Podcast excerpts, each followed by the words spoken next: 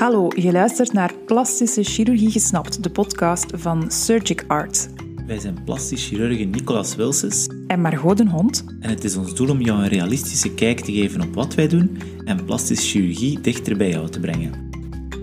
Ikzelf, ik ben Nicolas. Ik werk in het Sint-Trudo ziekenhuis en in de Essence praktijk, beide gevestigd in Sint-Truiden. En ik ben Margot. Ik werk in het ziekenhuis Oost-Limburg, in Genk, Lanaken en Mazeik.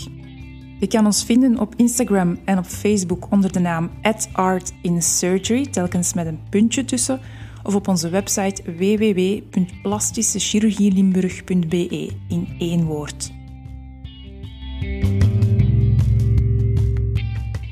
In onze rubriek Dokter, ik heb een vraag beantwoorden we een vraag die we regelmatig te horen krijgen. De vraag die we vandaag beantwoorden is: hoe verloopt het herstel na een facelift? Een facelift is een, vrij uitgebreide procedure, tenminste in onze handen. Heel vaak wordt de operatie gecombineerd met bijvoorbeeld een halslift, een lipofilling, een ooglidcorrectie of een wenkbrauwlift.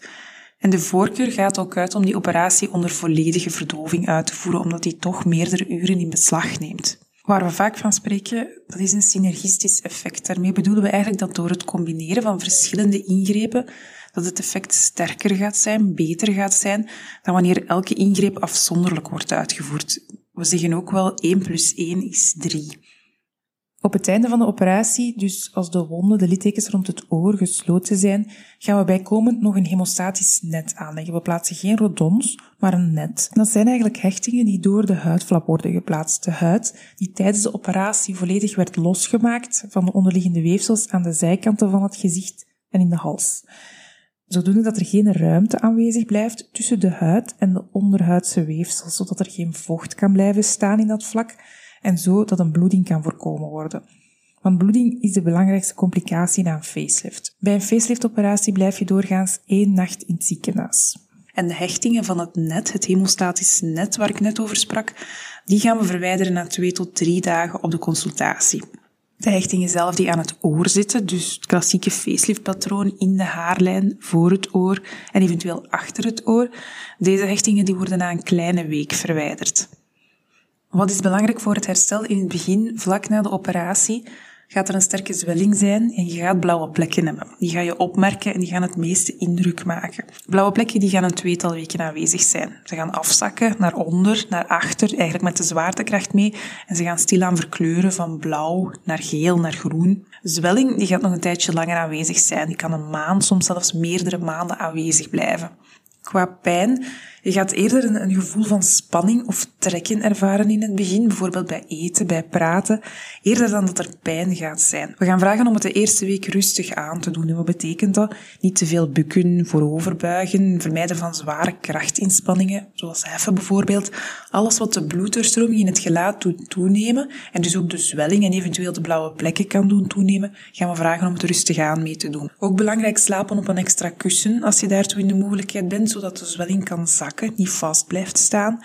En ook geen ijs leggen. Je kan eventueel een koud washandje leggen als dat deugd doet, maar ijs is nadelig. Enerzijds voor de huidflap die losgemaakt wordt, maar zeker als er een lipofilling gebeurd is, dus een, een vullen met eigen vetweefsel, dan is dat heel slecht voor de overleving van dat vetweefsel als we ijs leggen. Qua pijnstilling, in het begin gaan we aanraden om systematisch pijnstilling te nemen onder de vorm van paracetamol, eventueel aangevuld met een ontstekingsremmer, ibuprofen. Maar zoals ik al zei, eerder dan de pijn zien we dat er vooral een spanning of een trekkend gevoel op de voorgrond treedt. In principe kan je de dag na de operatie je wassen. Jouw haren wassen, dat is ook mogelijk, dat mag en dat kan, mits dat de littekens niet worden blootgesteld aan sterk irriterende shampoo. Dus we gaan aanraden haren spoelen, geen probleem. Eventueel gebruik maken van een zeep, een speciale zeep, zoals een isobetadine zeep of een andere niet irriterende zeep, baby shampoo.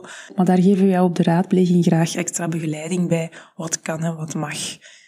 Belangrijkste is luisteren naar jouw lichaam. Zeker niet over de grenzen gaan de eerste dagen, de eerste weken, maar luisteren naar jouw eigen signalen.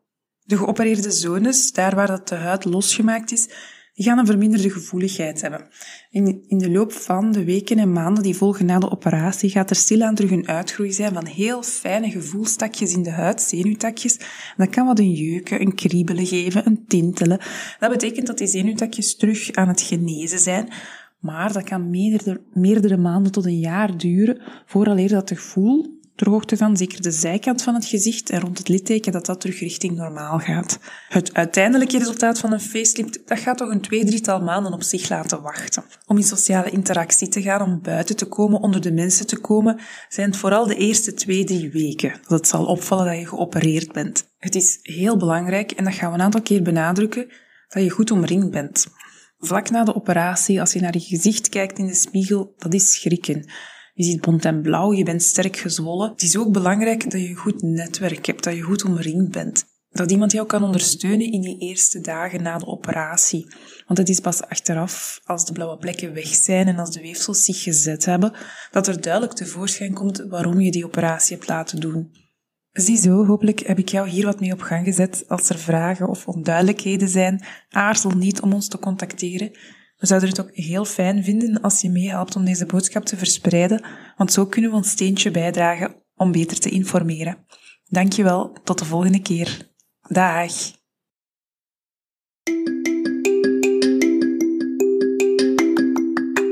Heb jij een vraag voor ons? We beantwoorden ze graag anoniem in onze podcast. Stuur ons jouw vraag via onze website, ons e-mailadres of onze social media. Deze vind je terug in de beschrijving onder deze aflevering.